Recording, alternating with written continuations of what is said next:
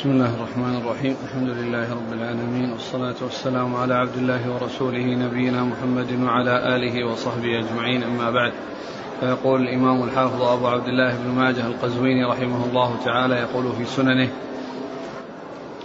باب من مات وعليه نذر قال حدثنا محمد بن رمح قال أخبرنا الليث بن سعد عن ابن شهاب عن عبيد الله بن عبد الله عن ابن عباس رضي الله عنهما أن سعد بن عبادة رضي الله عنه استفتى رسول الله صلى الله عليه وسلم في نذر كان على أمه فتوفيت ولم تقضه فقال رسول الله صلى الله عليه وسلم اقضه عنها. بسم الله الرحمن الرحيم الحمد لله رب العالمين وصلى الله وسلم وبارك على عبده ورسوله نبينا محمد وعلى آله وأصحابه أجمعين. أما بعد يقول الإمام ابن ماجه رحمه الله باب من مات وعليه نذر. أي كيف يكون حاله في نذره؟ وجاءت السنة أن أنه يقضى عنه. يعني سواء كان ذلك الذي قضاه قريبا أو بعيدا. وقد ورد في حديث ابن عباس رضي الله تعالى عنهما أن سعد بن عبادة رضي الله عنه جاء إلى النبي صلى الله عليه وسلم وأخبره أن أمه كان عليها نذر وأنها ماتت ولم تقضه فقال عليه الصلاة والسلام اقضه عنها. فدل هذا على أن صاحب النذر إذا نذر ومات ولم يفي بنذره فإن لوليه أو لقريبه أن يقضي عنه ولكنه لا يجب عليه لكن هذا من الأمور المستحبة والذي ينبغي للإنسان أن يحسن إلى قريبه وإلى من له به صلة أو من ليس له به صلة يعني بأن يقضي عنه النذر. لكنه ليس بلازم ليس بلازم لا يجب على الإنسان أن يقضي عن غيره يعني بعد موته وإنما يستحب له. وينبغي له أن يحسن إليه وأن يقوم بأداء ذلك الشيء الذي عليه. وهذا مطلقا سواء كان دينا يعني دينا أو حقا لله عز وجل أو حقا للعباد. لا يجب على الإنسان أن يقضي ما كان على غيره ممن مات ولكنه من الأمور المستحبة والأمور التي ينبغي أن يبادر إلى الإحسان فيها. بقضاء الدين وقضاء النذر. وسعد بن عبادة رضي الله عنه هذا سيد الخزرج من الأنصار. وسعد بن معاذ سيد الأوس. وسعد بن معاذ مات في حياة النبي صلى الله عليه وسلم على إثر ما حصله من الجرح في الخندق. وأما سعد بن عبادة فقد عاش بعد رسول الله صلى الله عليه وسلم. نعم. قال حدثنا محمد بن رمح. المصري ثقة أخرجه مسلم. وابن ماجه. نعم. عن الليث بن سعد. المصري ثقة أخرج أصحاب الكتب. عن ابن شهاب. محمد بن مسلم بن عبيد الله بن شهاب ثقة أخرج أصحاب الكتب. عن عبيد الله بن عبد الله. وهو ابن عتبة بن مسعود وهو ثقة فقيه أحد فقهاء المدينة السبعة في عصر التابعين أخرجه أصحاب الكتب. عن ابن عباس. نعم. قال حدثنا محمد بن يحيى قال حدثنا يحيى بن بكير قال حدثنا ابن لهيعة عن عمرو بن دينار عن جابر بن عبد الله رضي الله عنهما أن امرأة أتت رسول الله صلى الله عليه وسلم فقالت إن أمي توفيت وعليها نذر صيام فتوفيت قبل أن تقضيه. فقال رسول الله صلى الله عليه وسلم ليصم عنها الولي. ثم ذكر هذا الحديث عن جابر بن عبد الله. جابر بن عبد الله أن أن أن امرأة أتت الرسول صلى الله عليه وسلم فقالت إن أمي توفيت. يعني جاءت امرأة للنبي عليه الصلاة والسلام وقالت إن أمها توفيت وعليها صوم. صوم نذر. نعم عليها نذر صيام. وعليها نذر صيام. فقال ليصم عنها وليجوها. يعني معنى ذلك أن الصيام يقضى عن الميت. يعني إذا كان نذرا أو كذلك إذا كان صياما واجبا يعني في كفارة أو كان يعني عن شهر رمضان كل ذلك يمكن أن يقضى عنه لكنه لا يلزم قريبه أن يقضي عنه. وقد جاء في الحديث الصحيح من مات وعليه صيام صام عنه وليه. من مات عنه صيام من مات وعليه صيام صام عنه وليه. وهذا الحديث هو يعتبر آه نذر صيام على تلك المرأة والنبي صلى الله عليه وسلم قال ليصم عنها وليها. أو يصم عنها الولي فهذا مطابق لما جاء في الحديث المتفق على صحته من مات وعليه صيام صام عنه وليه. نعم. قال حدثنا محمد بن يحيى. الذهلي ثقة أخرجه مسلم وأصحاب السنن. عن يحيى بن بكير. وهو ثقة رواه البخاري ومسلم وابن ماجه. نعم. عن ابن لهيعة. نعم وهو صدوق. رواه مسلم وأبو داود والترمذي وابن ماجه. نعم. عن عمرو بن دينار. وهو ثقة أخرج أصحاب الكتب. عن جابر بن عبد الله رضي الله تعالى عنهما نعم. ليصم عنها الولي الولي. الولي يعني ولدها مثل قوله من مات وعليه صيام صام عنه وليه. من مات وعليه صيام صام عنه وليه. يعني قريبه. يعني والأولى بذلك أقرب الأقرباء. نعم. يعني ما هو قريب لو صام عنه ليس بلازم. لو صام رجل بعيد عنها فله ذلك. لكن ذكر الولي لأن الأولياء أو الأقارب هم الذين يعني يحصل منهم البر والصلة والإحسان. يعني فهم أولى من غيرهم. وإلا فلو حصل أن حصل ذلك من من من, من بعيد فإن ذلك لا بأس به. مثل الحج. أقول مثل الحج يحج عنه القريب ويحج عنه البعيد. نعم.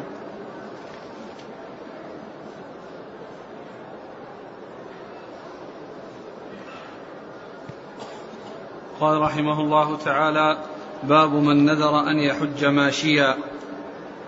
قال حدثنا علي بن محمد قال حدثنا عبد الله بن نمير عن يحيى بن سعيد عن عبيد الله بن زحر عن أبي سعيد الرعيني أن عبد الله بن مالك أخبره أن عقبة بن عامر أخبره رضي الله عنه أن أخته نذرت أن تمشي حافية غير مختمرة وأنه ذكر ذلك لرسول الله صلى الله عليه وسلم فقال مرها فلتركب ولتختمر ولتصم ثلاثة أيام. أعد الإسناد قال حدثنا علي بن محمد قال حدثنا عبد الله بن نمير عن يحيى بن سعيد عن عبيد الله بن زحر عن أبي سعيد الرعيني أن عبد الله بن مالك أخبره أن عقبة بن عامر أخبره أن أخته نذرت أن تمشي حافية غير مختمرة وأنه ذكر ذلك لرسول الله صلى الله عليه وسلم فقال مرها فلتركب ولتختمر ولتصم ثلاثة أيام. ثم ذكر بابه. من نذر أن يحج ماشيا. من نذر أن يحج ماشيا. من نذر أن يحج ماشيا إذا كان قادرا يعني على ذلك ولا يلحقه بمشقة مثل الحج من مكة فإن كثيرا من الناس يحجون يمشون. فإذا نذر أن يحج يعني ماشيا وعنده القدرة على ذلك فله أن يفي بنذره فيفي بنذره. وأما إذا كان يشق عليه فإن فإنه آه، لا يفي به ولكن عليه كفارة يمين ولكن عليه كفارة النذر ولكن عليه كفارة النذر لأنه لم لم يؤدي يعني آه، تلك العبادة على ما على ما نذر لعدم قدرته على ذلك. أما إذا كان قادرا فإنه آه، يفعل ذلك. ثم ورد هذا الحديث عن عن عن عقبة بن عامر. أن أخته نذرت أن, أن تمشي حافية. تمشي يعني في الحج أن تمشي حافية وأن غير مختمرة. غير مختمرة يعني غير مختمرة بخمار وتمشي حافية بدون نعال. وش بعده؟ فذكرت ذلك لرسول الله فقال مرها فلتركب ولتختمر. قال مرها فلتركب ولتختمر و ولتصم ثلاثة ولتصم أيام. ثلاثة أيام. ولتصم ثلاثة أيام. آه، آه، كونها تمشي حافية يعني هذا فيه مضرة. تلحق الإنسان بكونه يمشي على وهو قادر على الاحتذاء بأن يمشي في في, في, في الشوك ويمشي في الحجارة. فيجلب الضرر على نفسه وكذلك كونها مختمر غير مختمرة.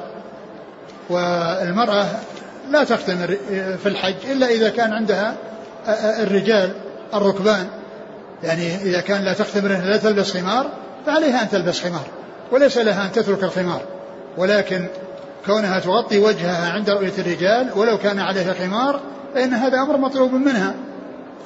أمر مطلوب منها أن المرأة تحتجب عن الرجال في الحج وغيره حيث يرونها. أما إذا كانوا لا يرونها فإنها تكشف وجهها فإنها تكشف وجهها حيث لا يراها الرجال. وأما إذا رآها الرجال فإنها فإن فإنها تحتجب عنهم وتغطي وجهها. ولكن كونها تعذب نفسها بكونها تمشي حافية ويلحقها بذلك المضرة ليس لها ليس لها أن تؤذي نفسها وليس لها أن تعذب نفسها. وإنما تحتذي وتلبس الحذاء تلبس النعال ولا تعرض نفسها للضرر. والحديث في إسناده ضعف. والحديث في إسناده ضعف. نعم. ولتصم ثلاثة أيام. ذكر ثلاثة أيام هذا غير مستقيم من ناحية الكفارة. لأن الكفارة اليمين ثلاثة الأيام لا تأتي إلا عند العجز. عن ال ال عما قبل عما قبل الصيام الذي هو العتق والإطعام والكسوة لعشرة مساكين. لا يصار إليها إلا عند العجز اللي صيام ثلاثة أيام. ف يعني تفي بنذرها آه، آه، تترك هذا الذي آه، نذرته وتلبس الحذاء وتختمر و وتعمل كفارة. للنذر وهي هي كفارة الصيام. لأنه جاء في الحديث كفارة النذر كفارة الصيام في صحيح مسلم.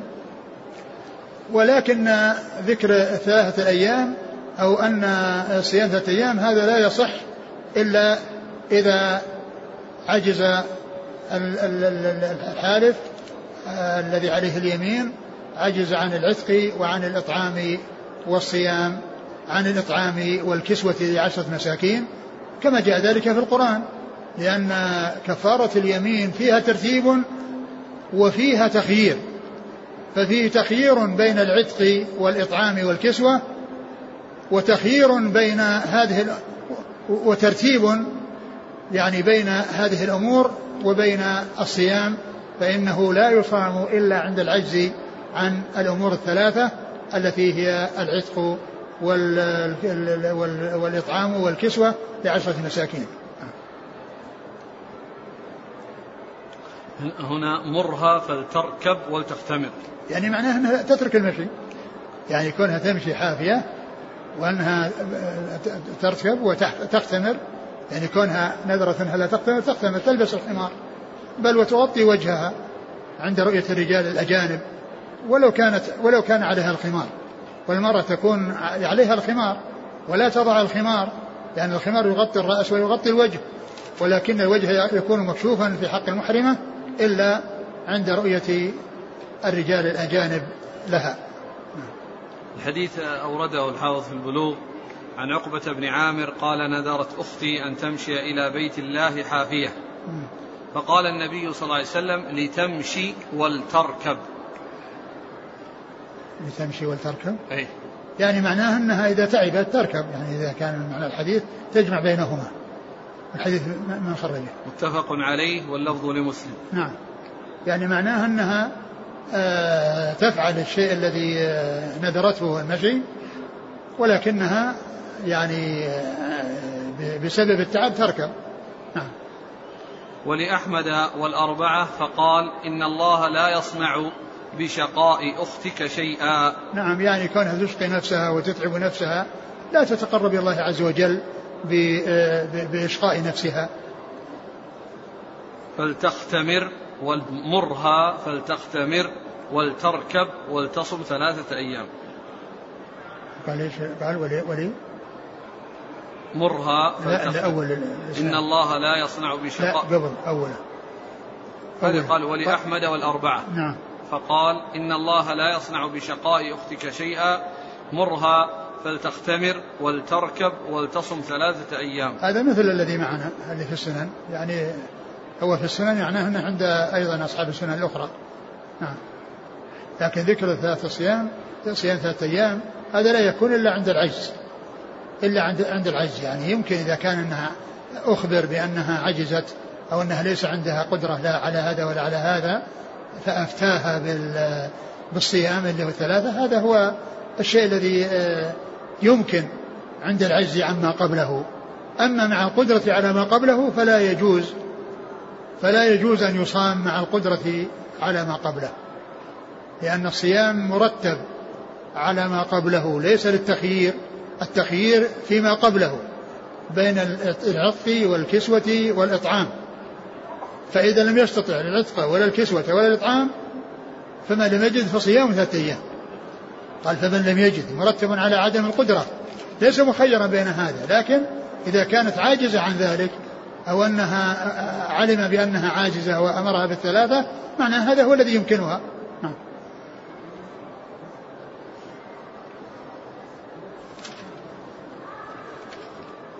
لكن هنا هي نذرت أن تمشي حافية. نعم. حافية هذا يعني زيادة في التعذيب أن كون تكون أن تمشي حافية تمشي عليها نعال مسافة طويلة تلحقها ضرر. يعني ولكن أضف إلى ذلك كونها أيضا غير منتعلة. حافية فإنها تعرض نفسها للحجارة وللشوك وللأذى الذي يكون على الأرض. نعم. الأخ يقول يعني الآن لما أمرها بالركوب المنتعل راكب. لا هو ما قال إنها فل فل فل قال فل إيش؟ فمرها فلتركب ولتختمر. لا فلتركب ولتختمر لا في ذاك الأول ذاك اللي في الصحيحين. فلتمشي ولتركب. هذه فلتمشي ولتركب يعني معناها المشي يكون حافي تبقى على الحفاء لا لا كونها الإنسان يكون حافيا هذا تعذيب الانسان لكن كونه يمشي وهو منتعل وهو يستطيع أنها يشق عليه المشي يجمع بينهما يفعل هذا ويفعل هذا. يفعل هذا ويفعل هذا لعل الكفارة جاءت لعدم الوفاء بهذا لا بس هذا هو وش قال في الحديث اللي في الصحيحين اللي في الصحيحين ما قال إن أختي نذرت أن تمشي إلى بيت الله من هو عقبة؟ إيه آه. أيوه آه.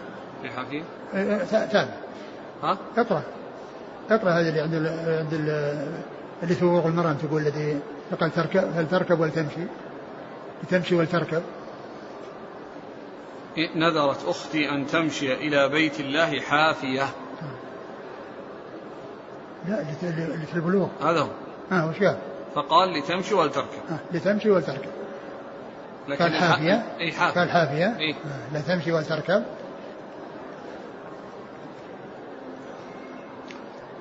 ما أدري قضية كونه يعني مقصود به انها تركب يعني أنها تلبس النعال؟ لا حتى تركب البعير؟ إيه. هذا هو. لكن إذا تمشي؟ يعني تمشي حين حافية وتر... واذا ركبت على على, على كل يعني قضية الناس يعني قد يكون في في وقت ما يجدون النعال. أقول قد يكون يعني إذا كان من هذا القبيل وأما كونها آه، تستعمل النعال ولكنها آه، رجلها يعني لأن الناس بعضهم يعني الذي يكون متعود إنه ما يمشي بالنعال رجله تكون يعني فيها طبقة ما تتأثر بالأرض. وأما الذي يكون مستعمل النعال ولا يمشي إلا بنعال ثم ثم ينذر إنه يمشي ما يمشي يمشي حافي هذا هو الذي يتضرر. يعني كونه قادر. فما أدري يعني قوله تمشي وتركب يعني, يعني انها, إنها آه، تركب لكن آه، كونه يلزم أن تكون على إنها حافية وهي تتضرر بذلك ما ما أدري يعني ما أدري يعني وجهه نعم. قال حدثنا علي بن محمد هو الطنافسي ثقة أخرجه النسائي ومسعود علي وابن ماجه. عن عبد الله بن نمير ثقة أخرج أصحاب الكتب. عن يحيى بن سعيد يحيى بن سعيد ثقة أخرج أصحاب الكتب. عن عبيد الله بن زحر وهو صدوق يخطئ أخرج البخاري المفرد وأصحاب السنن. عن أبي سعيد الرعيني وهو صدوق رواه أصحاب السنن. نعم. عن عبد الله بن مالك هو ثقة أخرجه أصحاب الكتب إلا أبا داود في القدر نعم. عن عقبة بن عامر الجهني رضي الله عنه أخرجه أصحاب الكتب ما أدري يعني القصة هي واحدة يمكن أن تكون واحدة إنما اختلفت فيها الروايات لأنه كونها أخته وأنها نذرت فما يبعد أن تكون أنها القصة واحدة. الحديث آه، ورد في أبي داود عن ابن عباس من مسند ابن عباس. أن أخت عقبة بن عامر نذرت أن. تمشي إلى البيت. نعم. فأمرها النبي صلى الله عليه وسلم أن تركب وتهدي هديا هذا ما صححه الألباني في سنن أبي داود باب من رأى عليه كفارة إذا كان في معصية وفي الإرواء. من رأى؟ من رأى؟ ها؟ من رأى أن عليه كفارة؟ إذا كان في معصية. نعم هذا باب؟ باب نعم عند أبي داود. أيوه. صححه الشيخ الألباني. نعم. وفيه أنه صلى الله عليه وسلم قال إن الله لغني عن مشيها لتركب ولتهدي بدنه. قال الألباني وجملة القول أن ذكر الصيام في الحديث لم يأتي من طريق تقوم به الحجة. والمحفوظ ولتهدي بدنه. والحديث أيضا في الصحيحة 2930 مرها فلتركب ولتختمر ولتحج ولتهدي هديا هذا فين؟ الصحيحة 2930 مرها؟ فلت... مروها مروها مروها. فلتركب. ولتختمر ولتحج ولته... ولتهدي هديا.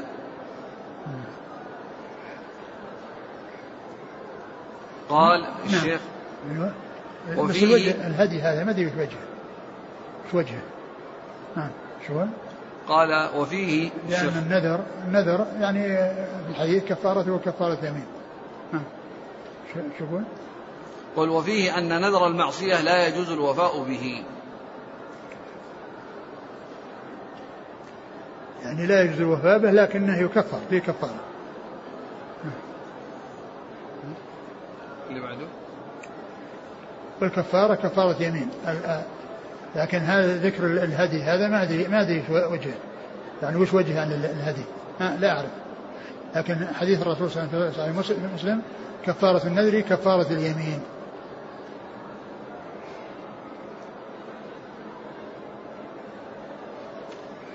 ما أدري إيش المقصود بالكونها تهدي هديا في بعضها أنها بدنة.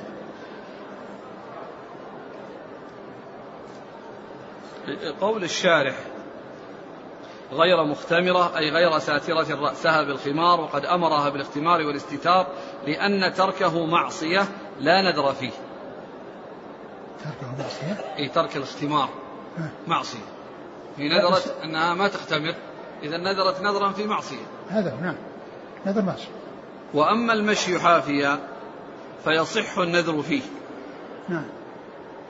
نعم ماشي حافيا يصح النذر فيه يعني آه، فيما إذا لم يلحق الإنسان ضرر. أما إذا لحق الإنسان ضرر كما قلت أن الناس يتفاوتون فيهم من يكون ما يمشي بالنعال دائما يمشي في البر بدون نعال ولهذا رجله طبقة مثل مثل طبقة البعير مثل أسفل رجل البعير.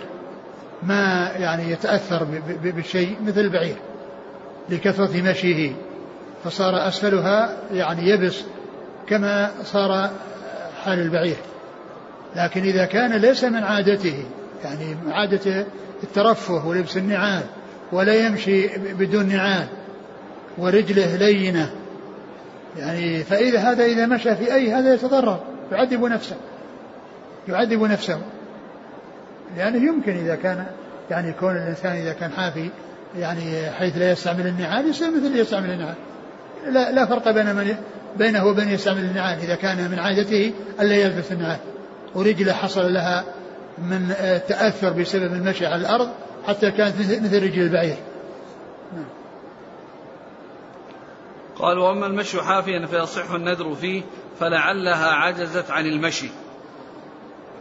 نعم. واللازم حينئذ الهدي. واللازم الهدي؟ حينئذ الهدي. لا، عجزت عن المشي. فلعلها عجزت عن المشي. واللازم حينئذ الهدي. كيف؟ كما جاء في بعض الأحاديث. ولتهدي بدنه. نعم بس الكلام على يعني من أجل من أجل يعني كونها ما استطاعت؟ إيه. عاجز عن المشي. لا ينظر أقول ينظر كلام الشراح في هذا. قال فلعله تركه الراوي اختصارا. وأما الأمر بالصوم فمبني على أن كفارة النذر بمعصية أن كفارة النذر بمعصية كفارة كفارة اليمين. وقيل عجزت عن الهدي فأمرها بالصوم لذلك عجزت عن الهدي. إذا كان هدي هدي تمتع ولا هدي قران هذا لأن الواجب على الحاج هدي التمتع وهدي القران. هذا هو الذي يجب أو الذي ينذر هديا. إذا نذر هديا وجب بالنذر. وإذا حج قانا مفردا وجب عليه الهدي وإن لم يستطع صام ثلاثة أيام في الحج وسبعة إذا رجع إلى يعني كذا يطابق. لو على الرواية الصحيحة أو تهدي بدنه. على أنها تكون يعني كأنها في حج. وجاء, وجاء في بعضها هديا مطلق. نعم. أي نعم.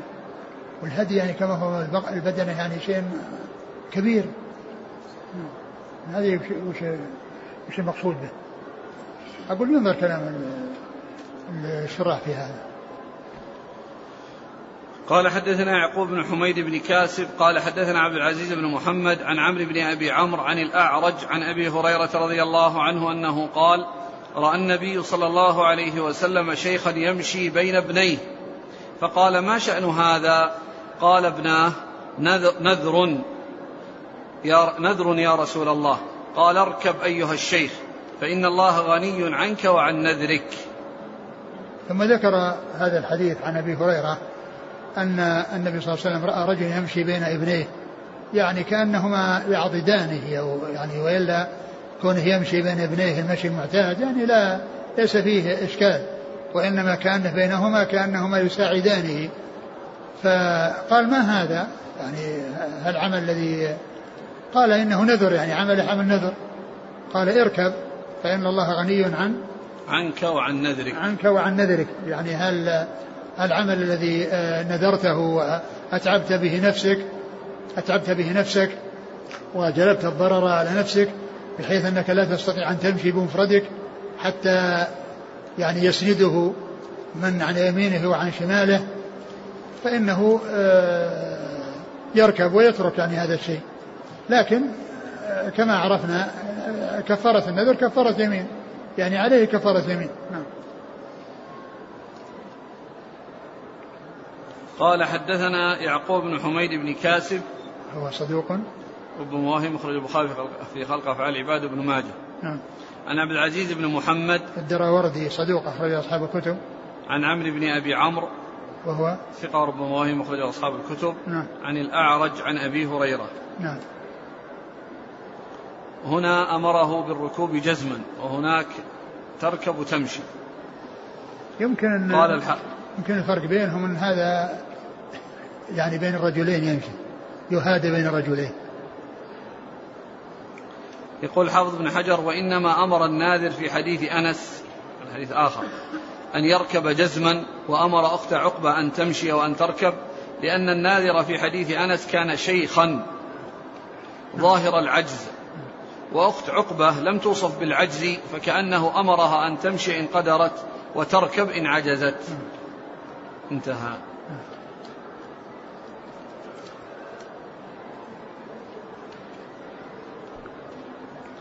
قال رحمه الله تعالى باب من خلط في نذره طاعة بمعصية.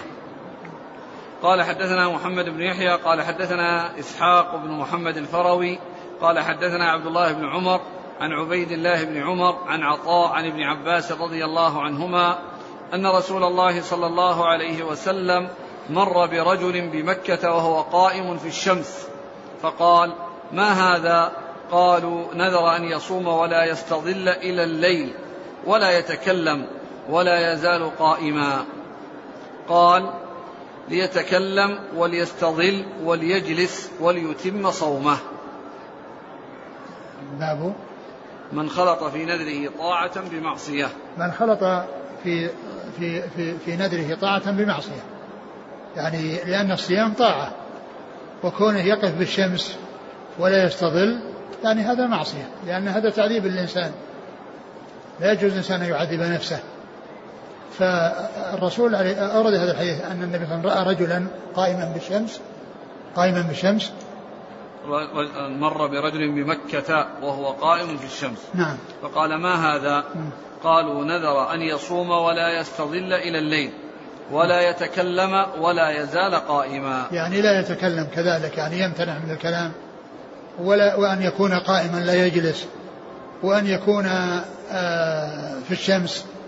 كل هذه أمور محذورة ما فيها مما يسوغ إلا الصيام. وأما كونه يعني يقف في الشمس وكونه يمتنع من الكلام وكونه يكون قائما لا يجلس هذا معصية وتعذيب للإنسان نفسه. وليس له أصل في الشرع أن الإنسان يتقرب إلى الله عز وجل بهذه العبادة. نعم. فقال ليتكلم وليستظل نعم. وليجلس وليتم صومه. نعم يعني أمره بالطاعة وأمره بترك المعصية. نعم.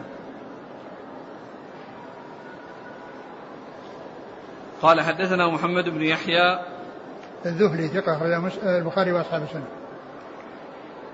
عن إسحاق بن محمد الفروي وهو؟ صدوق كف فساء حفظه. وله البخاري والترمذي وابن ماجه. نعم. عن عبد الله بن عمر هو العمري. نعم. هو العمري ضعيف أخرج له. مسلم وأصحاب السنن. عن عبيد الله بن عمر. عن أخيه وهو ثقة أخرج أصحاب الكتب. عن عطاء. عطاء بن أبي رباح ثقة أخرج أصحاب الكتب. عن ابن عباس. نعم. حينئذ ما عليه كفارة؟ لا عليه كفارة لأن نذر المعصية فيه كفارة.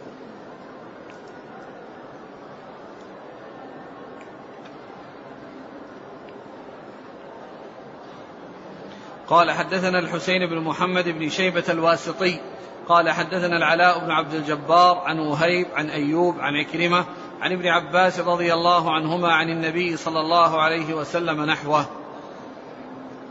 نعم قال حدثنا الحسين بن محمد بن شيبة. هو. صدوق رجله ابن ماجه عن العلاء بن عبد, الجبار. في اختلاف في اسم في شيبة وشنبة. نعم شنبة أو شنية. نعم. صدوق؟ صدوق؟ صدوق رجله ابن ماجه. نعم. وفي التقريب ضبط شنبة يعني بالنون والموحدة والباء. نعم.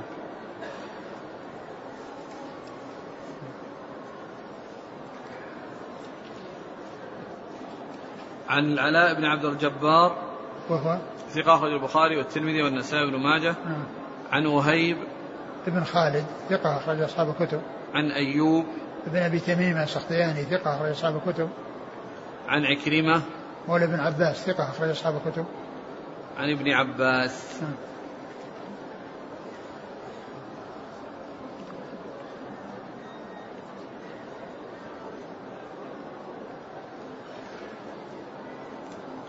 قال رحمه الله تعالى كتاب التجارات باب الحث على المكاسب.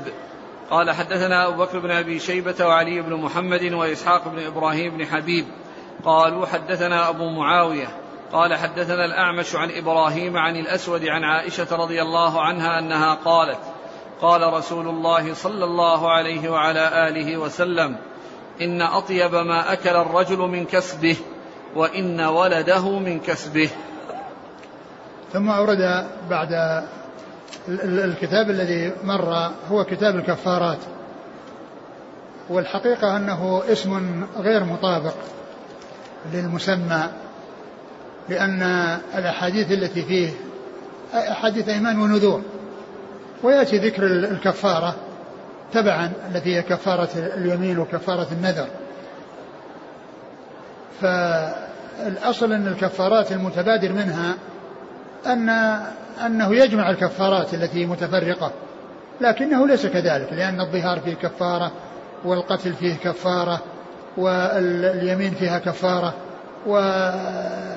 والكفارات وفي الجماع في رمضان كفارة الكفارات متنوعة لكنه بمعنى كتاب الأيمان والنذور. وليس عند المصنف كتاب الأيمان والنذور فكان المناسب أن يسمى هذا الكتاب كتاب الأيمان والنذور هو المطابق للمسمى. أي يقال كتاب الأيمان والنذور. لأن الذي فيه حديث الأيمان وحديث النذور وفيه ذكر الكفارة المتعلقة باليمين والنذر فقط. فإذا آه، تسميته أو الأولى في تسميته أن يكون كتاب الأيمان والنذور وليس كتاب الكفارات. لأن الكلام في الكفارات إنما جاء تبعا فيما يتعلق بكفارة النذر واليمين. وإلا فالأحاديث كلها تتعلق بالنذر والكفارة بالنذر بالأيمان والنذور. ثم عقب ذلك بكتاب التجارات. والتجارات بعض العلماء يقول كتاب البيوع. يأتي بالترجمة فيقول كتاب البيوع. وهنا قال كتاب التجارات. ومن المعلوم أن أن التجارة يعني هي في البيع. التجارة الدنيوية تكون في البيع والشراء. يعني كل إنسان يشتغل في البيع والشراء هذا هو الذي يشتغل في التجارة وعمله من أعمال التجارة.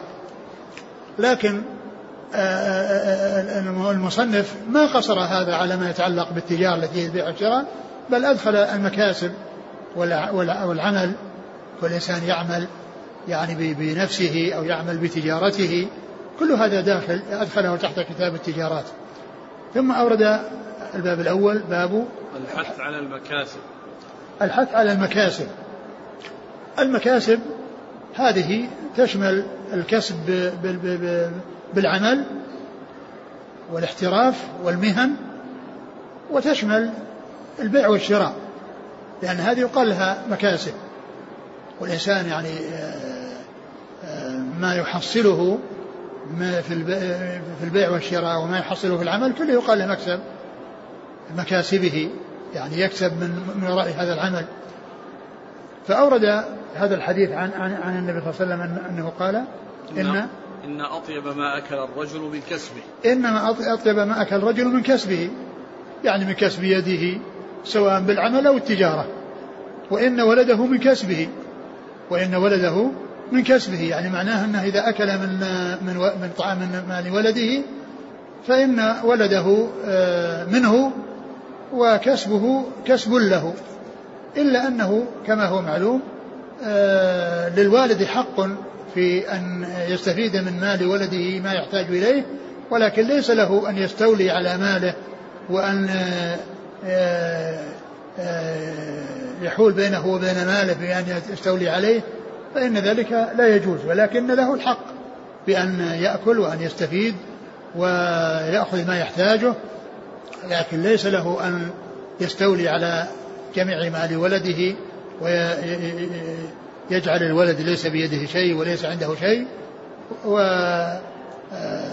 ولهذا فإن كون الإنسان يكتسب وينفق على نفسه يعني هذا من كسبه وكونه يكتسب وينفق على والده فإن فإن ولده من كسبه وما حصل من ولده فهو وإن كان من كسب الولد إلا أنه أيضا يعتبر من كسب الوالد لأنه هو السبب في وجود الولد وله حق على الولد بحيث يستفيد مما في يده لكن من غير أن يلحق به ضررا. نعم. قال حدثنا أبو بكر بن أبي شيبة نعم. عن وعلي بن محمد وإسحاق بن إبراهيم بن حبيب هو؟ ثقة أخرج أبو داود في المراسيل والترمذي والنسائي بن ماجه. نعم. عن أبي معاوية محمد بن خازم الضرير الكوفي ثقة أخرج أصحاب الكتب. عن الأعمش سليمان بن مهران الكاهلي الكوفي ثقة أخرج أصحاب الكتب. عن إبراهيم بن, بن يزيد بن قيس النخعي الكوفي ثقة أخرج أصحاب الكتب. عن الأسود وهو ثقة أخرج أصحاب الكتب. عن عائشة. نعم.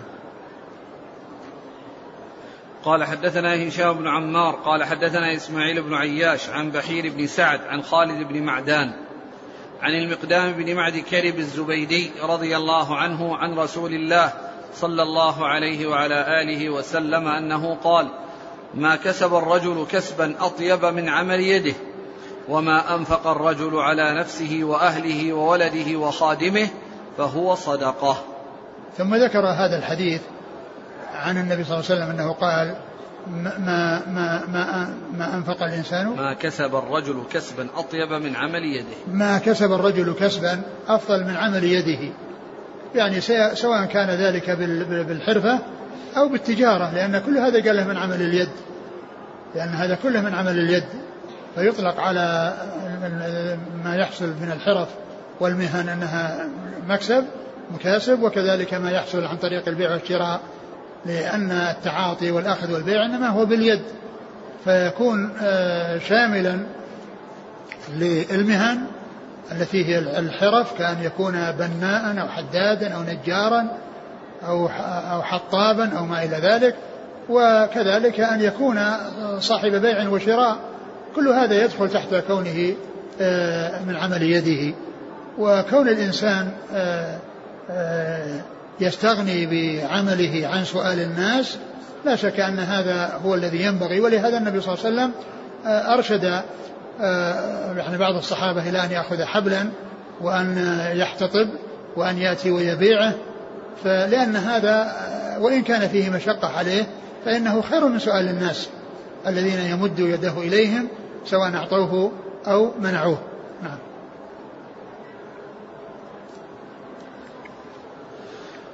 وما أنفق الرجل على نفسه وأهله وولده وخادمه فهو صدقة. وما أنفق الرجل على نفسه وعلى أهله وولده وخادمه فهو صدقة. لأن الشيء الواجب على الإنسان إذا أراد به الإنسان القربة إلى الله عز وجل فإنه مأجور على ذلك. ولو كان يؤدي واجبا. لأن كونه ينفق على أهله هذا واجب وعلى ولده هذا واجب وعلى خادمه وعلى مملوكه هذا واجب. وعلى نفسه أيضا واجب ليس له أن يهلكها بعدم الأكل وعدم الإنفاق على نفسه. ولكن آه، آه، هو وإن كان واجبا إذا كان الإنسان قصد به القربة وقصد به الطاعة فلا شك أنه مأجور على ذلك. ولهذا جاء في الحديث أن الرسول عليه السلام قال لما قال وفي بضع أحدكم صدقة؟ قالوا أيأتي أحدنا شهوته ويكون له في أجر؟ قال أرأيتم لو وضعها في حرام كان عليه وزر؟ قالوا نعم. قال فكذلك إذا وضعها في حلال كان له أجر. وكون الإنسان آه، يحسن إلى أولاده بأن ينفق عليهم وهو واجب عليه ولكن يفعل ذلك تقربا إلى الله عز وجل هو مأجور على ذلك. لكن إذا كان الوالد ممتنع من أن ينفق ولكن الحاكم أجبره على الإنفاق هذا لا يحصل أجر. ما يحصل ترك سقط عنه الواجب بكونه أداه ولكن لا يقال إنه مأجور لأنه ما ما ما ما فعل إلا مكرها وملزما. فالإنسان الذي يلزم على الإنفاق على ولده وهو ممتنع هذا لا يحصل اجرا لأنه ما أراد. وإنما آه، أنفق اكراها والزاما. وأما كونه يتقرب إلى الله عز وجل ويرجو الثواب ويعمل ويكسب من أجل أن يحسن إلى أولاده وألا يحتاج إلى الناس لا شك أنه مأجور على ذلك. ولهذا النبي صلى الله عليه وسلم قال نفقته على نفسه وعلى ولده وعلى أهله وعلى خادمه آه، له في ذلك أجر. نعم. قال حدثنا هشام بن عمار عن إسماعيل بن عياش. إسماعيل بن عياش صدوق وفي وروايته عن الشاميين معتبرة وهنا روايته عن الشام عن من أهل الشام لأن بحير شامي عن بحير بن سعد. نعم. وهو؟ إسماعيل آه، رجل البخاري في رفع اليدين وأصحاب السنن. نعم. عن بحير بن سعد ثقة رجل البخاري في المفرد وأصحاب السنن. نعم. عن خالد بن معدان وهو ثقة أخرج أصحاب الكتب. نعم. عن المقدام بن معد كريب رضي الله عنه أخرج له؟ البخاري وأصحاب السنن. نعم. قال حدثنا أحمد بن سنان قال حدثنا كثير بن هشام قال حدثنا كلثوم بن جوشن القشيري.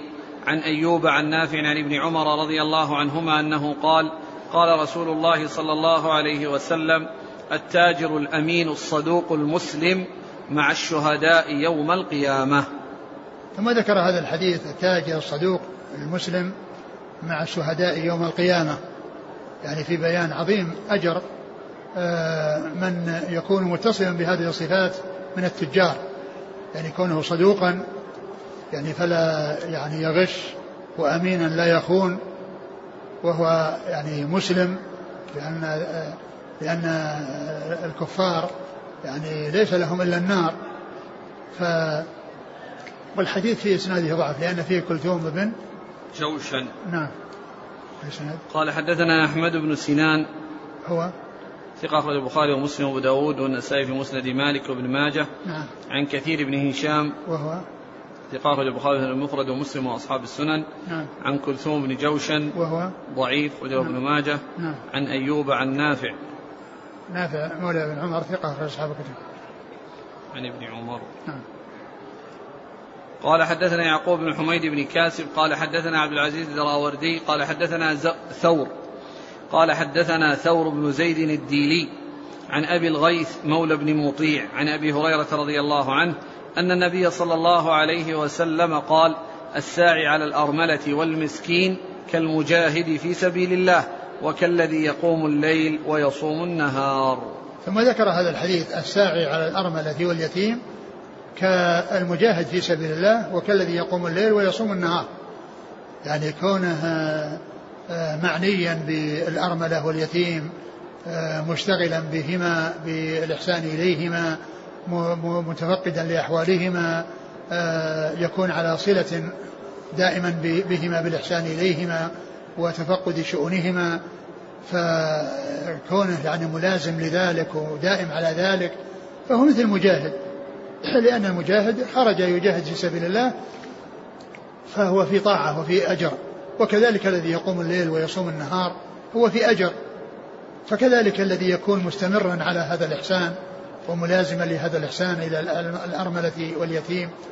اليتيم الذي ليس له عائل وكذلك الأرملة التي ليس لها زوج وليس لها من ينفق عليها وليس لها مال تنفق على نفسها. فإن من يكون كذلك آه، آه، له هذا الأجر العظيم.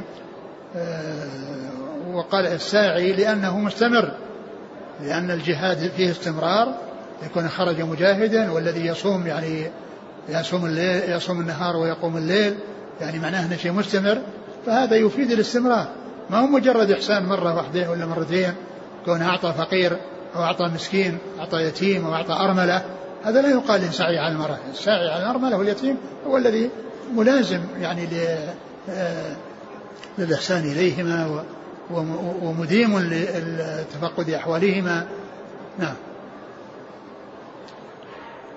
كالمجاهد في سبيل الله وكالذي يقوم الليل ويصوم النهار. قال حدثنا يعقوب بن حميد بن كاسب بن عبد العزيز الدراوردي نعم. عن ثور بن زيد الديلي وهو ثقة أخرج أصحاب الكتب نعم. عن أبي الغيث مولى بن مطيع وهو ثقة أخرج أصحاب الكتب عن أبي هريرة نعم. قال حدثنا أبو بكر بن أبي شيبة قال حدثنا خالد بن مخلد قال حدثنا عبد الله بن سليمان عن معاذ بن عبد الله بن خبيب عن أبيه رضي الله عنه عن عمه رضي الله عنه أنه قال كنا في مجلس فجاء النبي صلى الله عليه وسلم وعلى رأسه أثر ماء فقال له بعضنا نراك اليوم طيب النفس فقال أجل والحمد لله ثم أفاض القوم في ذكر الغنى فقال لا بأس بالغنى لمن اتقى والصحة لمن اتقى خير من الغنى وطيب النفس من النعيم. ثم ذكر هذا الحديث أن النبي صلى الله عليه وسلم خرج عليهم وعلى وجهه. قال وعلى رأسه وعلى أثر ماء. وعلى رأسه أثر ماء. قالوا إنا رأيناك طيب النفس. يا رسول الله قال نعم. إيش قال؟ أجل والحمد لله. أجل أجل والحمد لله. نعم إنه طيب النفس. أيوه. ثم أفاض القوم في ذكر الغنى. ثم صاروا يتحدثون في ذكر الغنى الذي هو حصول المال الرجال الأغنياء وحصول الغنى للإنسان. فالنبي صلى الله عليه وسلم قال لا بأس بالغنى لمن اتقى. لا بأس بالغنى لمن اتقى لأن الإنسان إذا كان عنده غنى وهو متقي يأخذه من حله ويضعه في حله لأن تقوى الله عز وجل في الغنى أن يأخذه من حله ويصرفه في حله. لا يأخذه من حرام ولا يصرفه في حرام. وإنما يأخذه من حلال ويصرفه في حلال. وهذه التقوى. تقوى أن يجعل الإنسان بينه وبين غضب الله وقاية تقيه منه. وذلك بامتثال الأوامر وترك النواهي. وذلك بامتثال الأوامر وترك النواهي. هذه هي التقوى. كون الإنسان يكون عنده مال ويكون متقيا لله عز وجل يستفيد من ماله. لا في دخوله عليه ولا في خروجه منه ولا في استعماله إياه وإنفاقه على نفسه آه، آه، وعلى وعلى من يعوله. ف فالغنى مع التقوى لا شك أنه يعني آه، شيء عظيم وشيء نفيس. وأما بدون تقوى بأن يكون الغنى حصل عن طريق الربا أو حصل عن طريق القمار أو حصل عن طريق بيوع المحرمة أو حصل عن أي طريق غير سائغ فإن هذا ضرر على الإنسان لأنه لا ليس لم يحصل عن طريق التقوى ولم يكن الإنسان متقيا فيه وإنما الغنى مع التقوى هذا هو الذي يستفيد منه الإنسان. ثم الصحة والصحة لمن اتقى خير من الغنى. والصحة لمن اتقى خير من الغنى لأن الغنى قد يطغي الإنسان. الله عز وجل يقول كلا الإنسان لا يطغى أن استغنى قد يكون سببا في طغيانه قد يكون سببا في بخله قد يكون سببا في أمور في تقصيره في أمور واجبة عليه فيكون بذلك جلب على نفسه الضرر. لكن إذا كان الإنسان عنده صحة وعنده عافية وعنده آه، يعني شيء يكفيه وليس عنده شيء يطغيه وليس شيء يشغله ويلهيه فلا شك أن هذا يعني خير.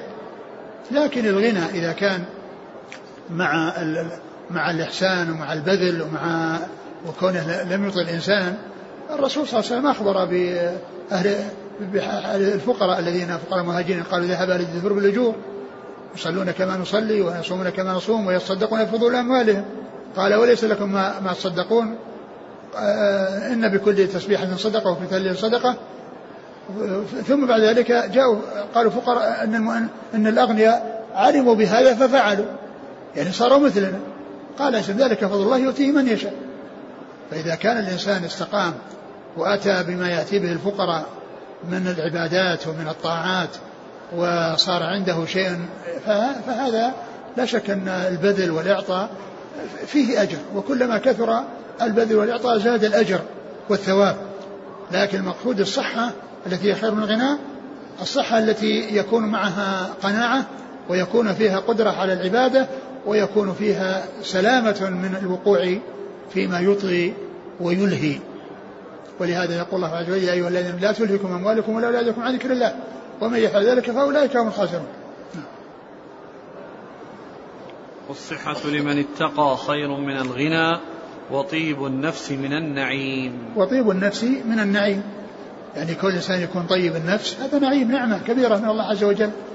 يعني كل إنسان في صحة وفي عافية وفي راحة بال وفي هدوء وفي أمن وأنس. لا شك أن هذا هو هذا النعيم. قال حدثنا أبو بكر بن أبي شيبة عن خالد بن مخلد. هو القطواني وهو؟ صدوق رواه أصحاب الكتب إلا أبا داود في مسند مالك. نعم. عن عبد الله بن سليمان. وهو صدوق يخطئ أخرج البخاري في المفرد والنسائي بن ماجه. نعم. عن معاذ بن عبد الله بن خبيب. وهو صدوق ربما وهم أخرج البخاري في المفرد وأصحاب السنن. نعم. عن أبيه. صحابي. له صحبة أخرج البخاري في المفرد وأصحاب السنن. نعم. عن عمه. عبيد. نعم عبيد بن معاذ. نعم. صحابي أخرج له ابن ماجه. نعم. يقول السائل كيف يجمع طالب العلم بين طلبه للعلم وطلبه للرزق؟ يمكن الإنسان يجمع بينهما. يعني يكون وقت يعني يشتغل فيه يحصل الرزق ووقت يعني يخصصه للعلم. لأن الذين حصلوا العلم يعني في مختلف العصور عندهم أعمال وعندهم اشتغال بالعلم. فيجمع يوفقون بين هذا وهذا. فلا يطغى هذا على هذا ولا يطغى هذا على هذا وإنما يكون الإنسان يأتي بهذا وبهذا. وسؤاله الثاني يقول وهل قبوله أي طالب العلم لما يعطيه الناس يعتبر عيبا فيه؟ لا ما يعتبر عيب. إذا الإنسان إذا أعطي شيء أو أهدي إليه شيء أو تصدق عليه بشيء وهو أهل الصدقة ما في بأس. قال رحمه الله تعالى باب الاقتصاد في طلب المعيشة. قال حدثنا هشام بن عمار قال حدثنا إسماعيل بن عياش عن عمارة بن غزية عن ربيعة بن أبي عبد الرحمن عن عبد الملك بن سعيد الأنصاري عن أبي حميد الساعدي رضي الله عنه أنه قال قال رسول الله صلى الله عليه وعلى آله وسلم أجملوا في طلب الدنيا. فإن كلا ميسر لما خلق له. ثم ذكر هذا الأجمل في طلب الدنيا فإن كل ميسر لما خلق له. يعني معنى ذلك أنهم يعني لا يكونون مقبلين على الدنيا يعني يلهثون وراءها ولا أن يكونوا تاركين العمل الذي يحصلون به ما يقوتون أنفسهم. ويقوتون من يعولهم المقصود ذلك الاقتصاد والاعتدال وعدم الإفراط والتفريط. فلا يكون مفرطا بحيث يعني ينهمك في الدنيا وتكون شغله الشاغل ولا يكون مفرطا مهملا مقصرا يعني آآ آآ آآ لا يشتغل حتى يحصل يعني الشيء الذي يقيت بنفسه وإنما يكون متواكلا يعني أو يعني يكون يعني يطلب من الناس وإنما يكون معتدلا يعني يجمل في الطلب يعني فلا يكون آه، آه، متعبا نفسه ملهيا نفسه عن ما يعود عليه بالخير بسبب آه، جريانه وراء تحصيل الدنيا بأي طريق وأي وسيلة. وإذا كان في أمر محرم فهذا والعياذ بالله أمر خطير ولكن كونه يستعمله في, في, في, في, في أمر مباح ولكنه يشغله عن خير ويشغله عن أداء واجب لا شك أن هذا مضرة على الإنسان. والإنسان إذا أجمل في الطلب وكان معتدلا متوسطا ليس قنوعا ليس عنده الانهماك والانشغال في آه، الدنيا والركض وراءها والجري وراءها ولا أن يكون أيضا في المقابل مقصرا. لأن الرسول عليه الصلاة والسلام قال لو أنكم توكلون على الله حق التوكل لرزقكم كما يرزق الطير. تغدو خماصا وتروح بطانا. لأن الطير ما بقيت في أوكارها تنتظر يأتيها شيء. وإنما إذا أصبحت راحت تبحث. خاوية البطون لأن الذي في في بطنها ذهب بالليل وذهب في هذه المدة فصارت خاوية البطون. فتذهب ثم ترجع ممتلئة البطون. فالإنسان يعمل ولكنه لا يتجاوز الحد. ولهذا قال النبي صلى الله عليه وسلم احرص على ما ينفعك واستعن بالله. احرص على ما ينفعك واستعن بالله ولا تعجز. وهذا كما هو معلوم في أمور خير وفي أمور العبادات. وأما في أمور الدنيا فالإنسان يكون معتدلا متوسطا لا يكون حريصا الحرص الذي يلهيه ويطغيه. كما قال الله عز وجل يا أيها الذين لا تلهكم أموالكم ولا أولادكم عن ذكر الله ومن يفعل ذلك فأولئك هم الخاسرون. أجملوا في الطلب فإن كلا ميسر لما خلق. كل ميسر لما خلق له. معلوم أن الله عز وجل قدر كل شيء وكل شيء بقدر وكل إنسان سيصير إلى ما يسر له لكن يبذل الأسباب. يعني ما يسر ما, ما, هو ميسر له ما قدره الله عليه. فإنه سيصير إلى ما قدره الله له سبحانه وتعالى. يعني فكونه يجمل في الطلب و يحصل الشيء الذي ينفعه ولا يلهيه ولا يطيه لا شك أن هذا آه، مما ييسر له وهو خير له. وأما إذا اشتغل آه، في آه، تحصيل الدنيا وانهمك وراءها وأشغل نفسه فيها وأخل, وأخل فيما هو واجب عليه فإن ذلك يعود عليه بالضرر. قال حدثنا هشام بن عمار عن إسماعيل بن عياش عن عمارة بن غزية هو؟ لا بأس به. أخرج نعم. البخاري تعليقا ومسلم وأصحاب السنن. نعم. عن ربيعة بن أبي عبد الرحمن. وهو ثقة أخرج له. أصحاب الكتب. عن نعم. عبد الملك بن سعيد الأنصاري. وهو؟ ثقة أخرجه مسلم وداود والنسائي بن ماجه. نعم. عن أبي حميد الساعدي. رضي الله عنه أخرج أصحاب الكتب. وفيه آه، إسماعيل بن عياش يروي عن آه، ابن غزية وهو مدني. ليست رواية عن أهل الشام وروايته عن غير أهل الشام فيها تخليط. لكنه توبع في ذلك. لكنه توبع في ذلك فصار الحديث ثابتا بالمتابعة. نعم. هنا البوصيري ذكر علة أخرى. وهي؟ يقول عن عن أو هو مدلس. الحافظ لم يذكر التدليس في ترجمته في التقريب. على كل هو يعني كلام معروف في روايته في في أهل الشام عن أهل الشام. معتبرة وغير عن أهلهم فيها تخليط ولكن هنا من رواية من أهل عن أهل الحجاز ولكنه توبع بأن رواه آخر معه أظنه سليمان بن بلال أو ما أدري. شخص عليه ثقة. نعم. رواه عن سليمان بلال نعم. نعم. عن ربيعة بن أبي عبد الرحمن. كما رواه آه عمارة بن وزير نعم.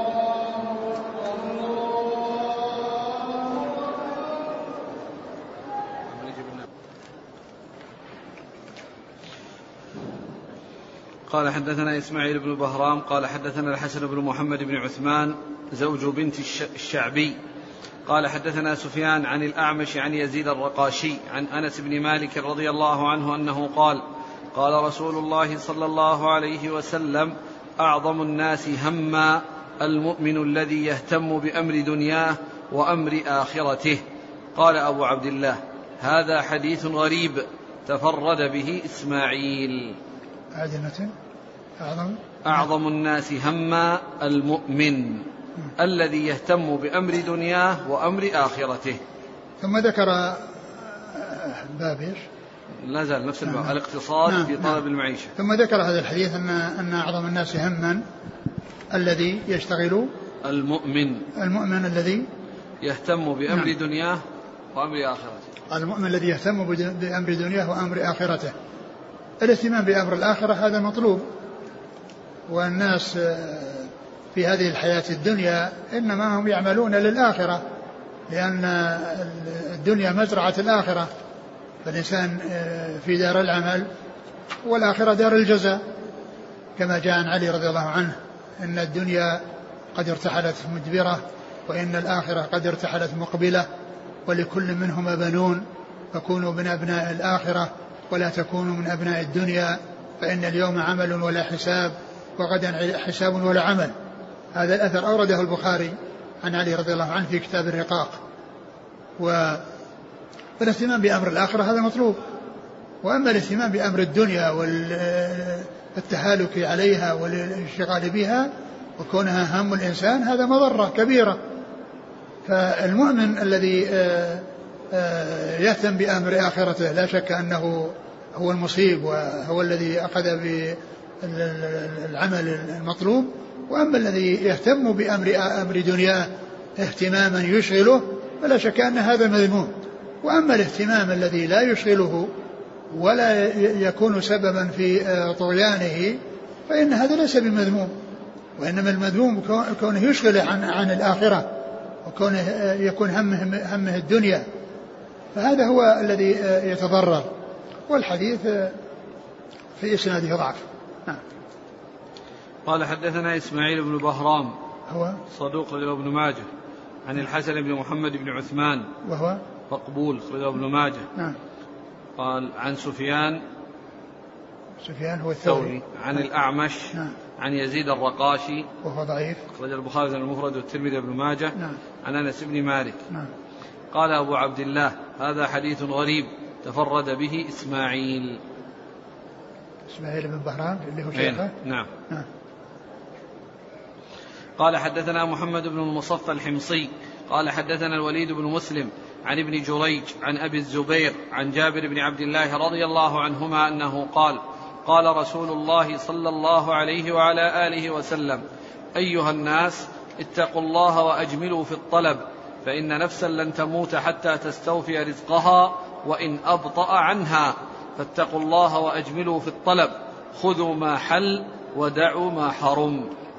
ثم ذكر هذا الحديث أن النبي صلى الله عليه وسلم قال اتقوا الله أيها الناس اتقوا الله وأجملوا في الطلب وإن نفسا لن تموت حتى تستكمل رزقها. وإن أبطأ. وإن أبطأ يعني أن الرزق ما قدر الله ما قدر الله الإنسان سيأتي فسيصل إليه سواء وصل إليه بسرعة أو أو حصل أتأخر. فكل مقدر على الإنسان في حياته من الفقر ومن الغنى ومن أي شيء فإنه كائن. ما شاء الله كان وما لم يشأ لم يكن. وقد يسعى الإنسان ويعني يكون ضيق الرزق في أول الأمر ثم بعد ذلك يحصل له تيسير الرزق وكثرته.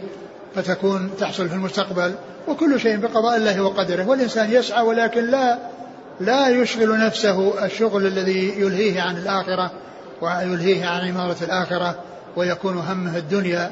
لأن الإنسان إذا كان همه الدنيا ولو حصل المال الكثير فإنه لا يكفيه يريد مضاعفته. الإنسان لو أعطي واديا من ذهب لطلب ثانيا ولا طلب ثالثا ولا يملأ جوف ابن آدم إلا التراب. فالإنسان لا يضيع دنياه ولا يكون عالة على الناس ولكنه لا ينفتن في دنياه ويشتغل بها حتى تلهيه عن آخرته. عدمة أيها الناس اتقوا الله وأجملوا في الطلب. أجملوا في الطلب اللي في الاقتصاد وعدم يعني المبالغة وعدم الإفراط. نعم. فإن نفسا لن تموت حتى تستوفي رزقها وإن أبطأ عنها. نعم كل, كل ما قدره الله عز وجل للإنسان فإنه حاصل له. ما قدره الله له من الرزق فإنه لن يموت إلا وقد حصل على كل ما قدر له في حياته الدنيا من الرزق وغيره. نعم. فاتقوا الله وأجملوا في الطلب خذوا ما حل ودعوا ما حرم. خذوا ما حل يعني فيه الأمر بأن الإنسان لا يقدم على الحرام وإنما يقدم على الحلال. يأخذ ما أحل الله وما وصل إليه مما أحله الله عز وجل ويبتعد عن ما حرم فلا يقدم عليه ولا يتعاطاه. فيبتعد عنه يقدم على تحصيل ما هو سائغ ومشروع ويبتعد عن الوصول إلى ما هو محرم ومذموم. نعم. قال حدثنا محمد بن المصفى الحمصي. صدوق أخرج له. أبو داود النسائي بن ماجه. نعم. عن الوليد بن مسلم. وهو ثقة أخرج أصحاب الكتب. عن ابن جريج. عن مالك عن بن جريج ثقة أخرج أصحاب الكتب. عن أبي الزبير. وهو محمد بن مسلم صدوق أخرج أصحاب الكتب. عن جابر بن عبد الله. نعم. قال رحمه الله تعالى باب التوقي في التجارة. والله تعالى والله تعالى أعلم وصلى الله وسلم وبارك على رسول نبينا محمد وعلى آله وأصحابه أجمعين. جزاكم الله خيرا وبارك الله فيكم. ألهمكم الله الصواب ووفقكم للحق. نفعنا الله بما سمعنا غفر الله لنا ولكم وللمسلمين أجمعين. آمين. سؤال الأمس اللي أقيمت الصلاة عليه. وهو؟ الفرنسية. اللي مات أبوها يقول أخت فرنسية مات والدها مسلمة. ها؟ مسلمة مات إيه؟ والدها وكافر. نعم. وترك ثروة حولت لها في رصيدها والثروة مختلطة بين الحلال والحرام فهل لها الاستفادة منها وإنفاقها في المساجد؟ معلوم أن المسلم لا يرث الكافر والكافر لا يرث المسلم كما ثبت في الحديث الصحيح عن رسول الله عليه الصلاة والسلام. و آه، لا أدري هل هل يعني هل هذا المال يعني فيه ورثة يعني آخرون يعني غيرها من الكفار أو أنها هي التي خل لم يخلف سواها. فكونها تأخذه وتطلبه هذا لا يجوز لها.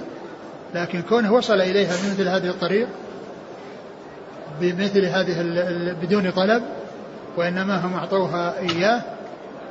ما أدري ما يعني ماذا أقول في هذا لأنه ما وصل عن طريق الإرث.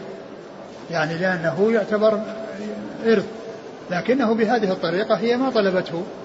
فلا أدري ما أستطيع أن أقول فيها شيء.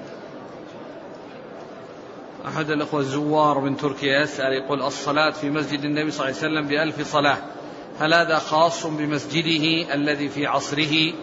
أم كلما اتسع المسجد يكون مستحقا لهذا ليس خاصا بمسجده الذي كان في زمنه صلى الله عليه وسلم وإنما هو عام لكل ما أضيف إليه من الزيادات وألحق إليه من الإضافات فإنه داخل تحت المسجد تحت اسم المسجد.